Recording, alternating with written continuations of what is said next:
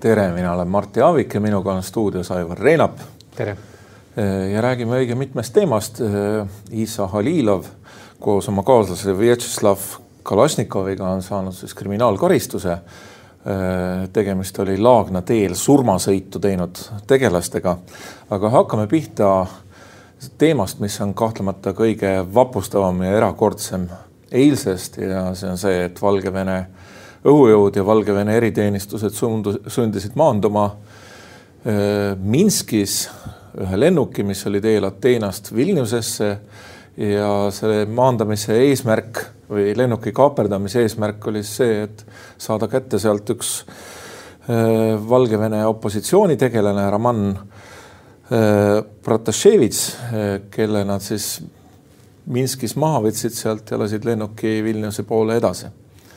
eile õhtul jah, tähendab eile päeval suhteliselt enneolematu uudis, et, et ei olnud ju varem selle peale tuldudki, et, et kui sõidad,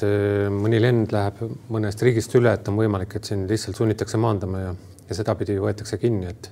et kahtlemata on see Valgevene KGB ja, ja seal see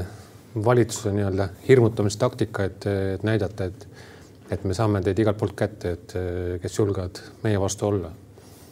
ja aga asi on võib-olla sellest ühest loost isegi veel tõsisem, et see tähendab ju seda, et meie vahetus naabruses on äh, vähemalt üks riik selline, mis äh, on valmis isegi äh, maha võtma reisilennukit, nii et üle selle maa lendamine ei tundu absoluutselt turvaline, et me teame varasemast ka selliseid juhtumeid, kus on äh, reisilennukid alla tulistatud ja nende peale on skandaalid suured ja, ja Venemaa käsi on siin ühel viima-, viimatisel allatulistamisel mängus. ja on selliseid ka õnnetusi juhtunud, aga, aga midagi sellist tõesti meelde ei tule, et äh, sihipäraselt jõuametkondade operatsiooni käigus sunnitakse reisilennuk maanduma. no on olnud ka ju juhtumeid, kus noh, näiteks transiitsoonist on võetud inimese maha, et kes on kes pole sisenenudki näiteks, ma ei tea, Venemaa territooriumile, aga oled transiittsoonis, et oled pidanud edasi lendama, et, et selliseid asju on juhtunud ja, ja pole ju mingisuguseid erilisi reaktsioone olnud, et, et praegu on ka huvitav vaadata, et, et kuigi Valgevene on ju ennem umbes sarnaste kahtlaste käitumistega opositsiooniliidrite suhtes silma paistnud, ka Venemaal on võetud inimesi kinni ja kõik, et, et mingeid reaktsioone väga pole toimunud, et, et huvitav, et et eh, nüüd siis lõpuks eh, võib-olla see Valgevene selline käitumine pälvib suuremat tähelepanu ja saab ka nagu korraliku hukkamõistu. ja no oluline ongi märgata seda, et eh, Valgevene KGB ka seostatakse ju ridamisi ajakirjanike ja opos teiste opositsioonitegelaste mõrvasid, mis on erinevates riikides toimunud. lugesin hommikul siin takkajärgi mitmest Ukrainas toimunud mõrvast, mida siis Lukašenka musklimeestega seostatakse, aga eristub see asi tehniliselt ja, ja väga tõsisel moel ja ma väga loodan, et eh, nüüd täna kogunev Euroopa Liidu kõrgeim kogu ja, ja ka NATO võtavad siis oma, oma kõige tugevamad argumendid lauale, et mida sellisel puhul on võimalik teha. pärast seda tõenäoliselt ei ole võimalik enam üle Valgevene lennata, et ma usun, et see lennukeelutsoon võib täitsa tulla Valgevenele, et mida ka Leedu on nõudnud ju, et et kes julgeb sealt turvaliselt enam üle, üle sõita, et see on natukene nagu, nagu need noh, kui oli see üheksanda septembri rünnakud, et siis ju keelati ka üle teatud piirkondade lendamine, et see umbes juba natukene sarnaneb samale, samale olukorrale. jah, et igaüks võib ju vaadata tänapäeval nende reaalajas lausa nende lennukaartide pealt, kui palju kasvõi üle Eesti transiitlende lendab ja kujutage ette, et nüüd hakatakse neid lennukeid maha võtma ühes või teises kohas, et see on päris pöörane iseenesest. aga teise teemana räägime sellest, et kui eelmine suvi oli üks vapustav sündmus Laagna teel, kus siis Isa Halilov koos, tema oli, kui ma õigesti mäletan, roolis koos äh, oma kaaslasega sõitsid. mitu inimest surnuks, oli nii? ja seal oli kahe autoga tegid nii-öelda nagu kiirendusvõistlust, et, et mõlemad olid roolis. mõlemad olid roolis. ja Isa Halilovile on siis täna maakohus esimene aste määranud kümme aastat vangi, vanglakaristust ja Vjatšeslav Kalašnikovile kolm aastat. et no üks mõte, mis eh, hakkab kujunema, on see, et eh, me saame ju tegelikult iga nädal mingisuguseid uudiseid koristuste kohta ja mõni koristus tundub väga leebe ja ja, ja selline tagasihoidlik. eelmisel nädalal rääkisime näiteks sellest, et mitte küll siin meie saates, et uudis tuli nädala keskel. Lihula mõrtsukas Mikk Tarraste eh, ei saanud eluaegset vanglakaristust ja paljud küsisid, et kellele siis üldse veel eluaegne vanglakaristus määratakse siis eh, paistab, et selle Saaremaa surmakutsari ja isa Halilovi näitel on siiski kohtud määranud võrdlemisi rangeid karistusi siin teatud struktuur nendesse karistusse hakkab kokku jooksma ju, et, et kui praegult oli, oli kahe hukkunu ja nelja raskelt viga saanud avarii puhul sai kümme aastat, on ju. Saaremaa surmakutsaril sai vist kolm inimest surma ja neliteist aastat vanglakaristust, seal oli küll no raskendav asjaolu nagu joobes juhtimine praegult isa Kalilovi puhul oli ju,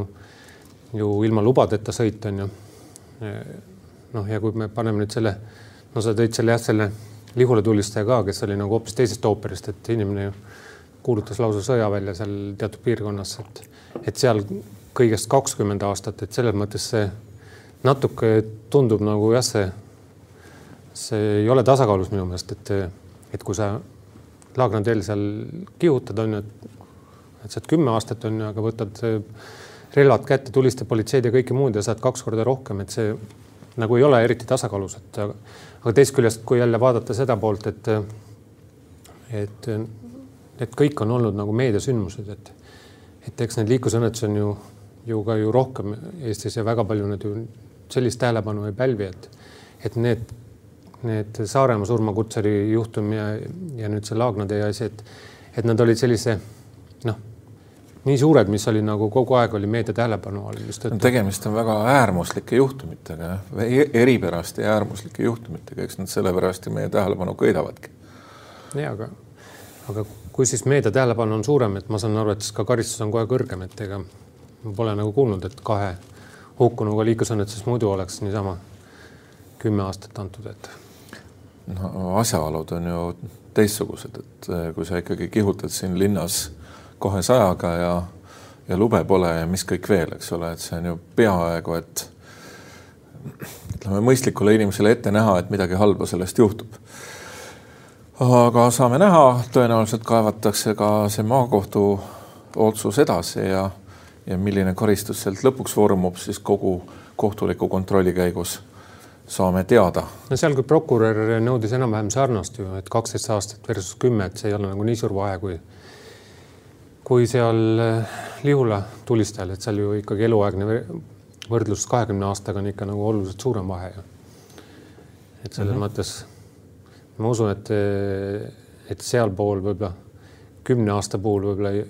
noh, on pigem ruumi natukene allapoole kui ülespoole, nii et aga räägime järgmiseks eh, koroona olukorrast ka põgusalt ja vaktsineerimisest. Eh, ja sellest, et on ju piirangud leevenemas eh, just tänasest. et saame minna kinno ja kuhu me veel saame minna? igale poole põhimõtteliselt saad minna restorani sööma ja näitustele ja teatrit, teatritesse. tõenäoliselt ka spordivõistlustel need osalejate arvud suurenevad, nii et, et elu läheb ikkagi ridamisi nagu järjest käima, nii et mm. -hmm. selle juures on esimese vaktsiinidoosi saanud nelisada kolmkümmend seitse tuhat inimest.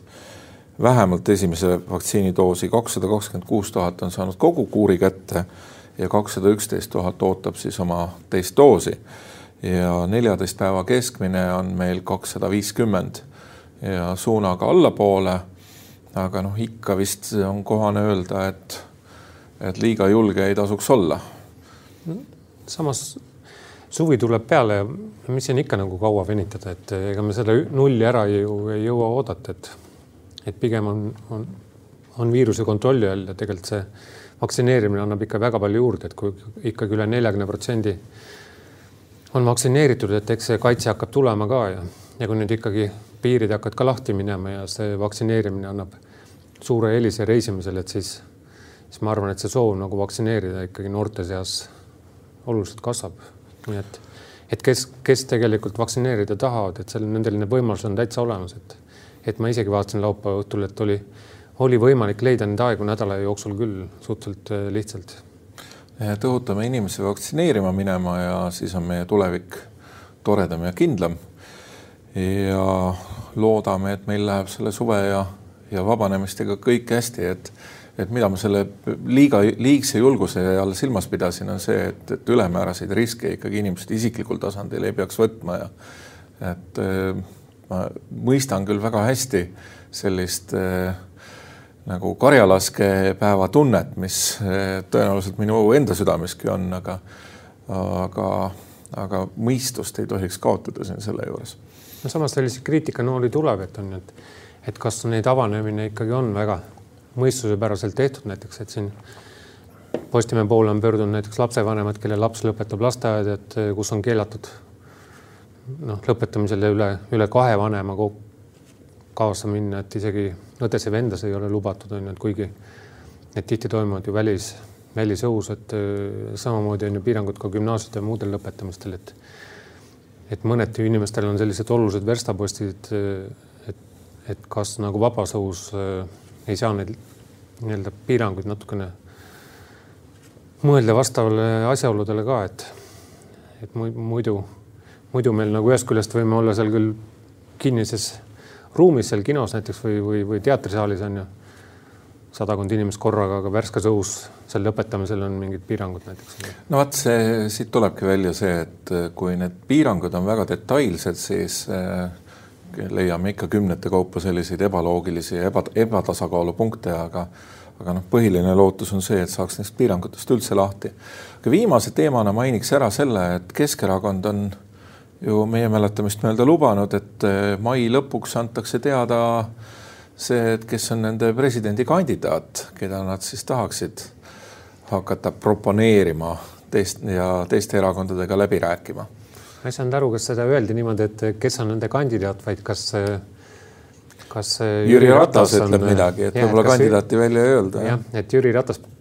peaks siis eh, mai lõpuks eh, teatavaks tegema, et kas ta kandideerib presidendiks ja sealsamas on öeldud, et, et sel juhul, kui ta kandideeriks, et ta astub siis tagasi Keskerakonna juhi kohalt, nii palju kui vähemalt Jaanus Karilaiu jutust oli võimalik aru saada, et et ootame siis põnevusega, et kas, kas need viimaste nädalate noh, rünnakud äh, Ratase sellise nii-öelda priiskava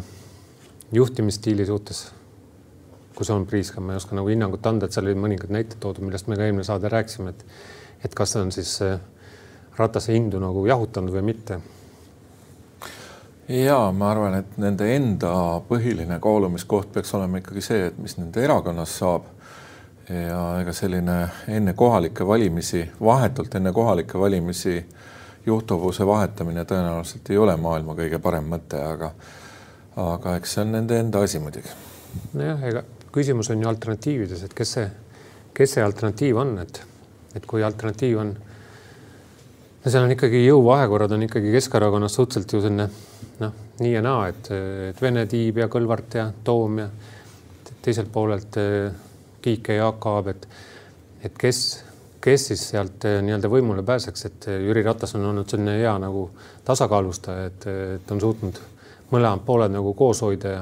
ja enam-vähem koos tööle panna. Aga... jah, mulle tundubki, et vaadeldakse seda Keskerakonda umbes nii nagu sovjetoloogid vaatlesid Nõukogude Liitu ja ja Venemaa asjatundjad Venemaad, et et alati proponeeritakse või soovitakse sellist eh, tasakaalu, et midagi ei muutuks, et paat ei kõigutataks aga selge see, et kui Jüri Ratas sealt läheb, noh, ega valikuid ju väga palju selles tema tiivas enam ei ole. eeldusel, et eh, Kadri Must, Kadri, Kadri Simson, vabandust, jääb edasi Euroopa Komisjoni ja Mailis Reps on meil siin ka kriminaaluurimise all, nii et eh, et minu meelest see järgnevad käigud on vaata et veel põnevamad, mis seal juhtuma hakkab ei julge jah hinnata, et kas nad, kas nad selle peale lähevad, et no teisest küljest on jälle, kui on oma selline kõva tegija presidendivalimistel, et, et siis on see kindlasti ka erakonna tuntusele ju noh, oluliseks taganttõukavaks, et, et kui Ratas suudaks ikkagi edukalt selle läbida, et siis kahtlemata Keskerakond võidaks ka kohalike valimiste kontekstis. noh, küsimus on jah, mis pärast edasi saab. Jah, aga põnevaid asju on oodata ka väiksemate parteide siseelus, nii et noh, kindlasti võib ära mainida ka selle, et Reformierakond tegi oma kõige suurema toetusprotsendiga erakond tegi oma avalöögi kohalike valimiste asjus, nii et eks me seda jälgime siis järgnevatel kuudel kuni nende valimisteni välja. aga suur tänu teile vaatamast, lugege Postimeest ja vaadake meid järgmisel nädalal jälle. nägemist.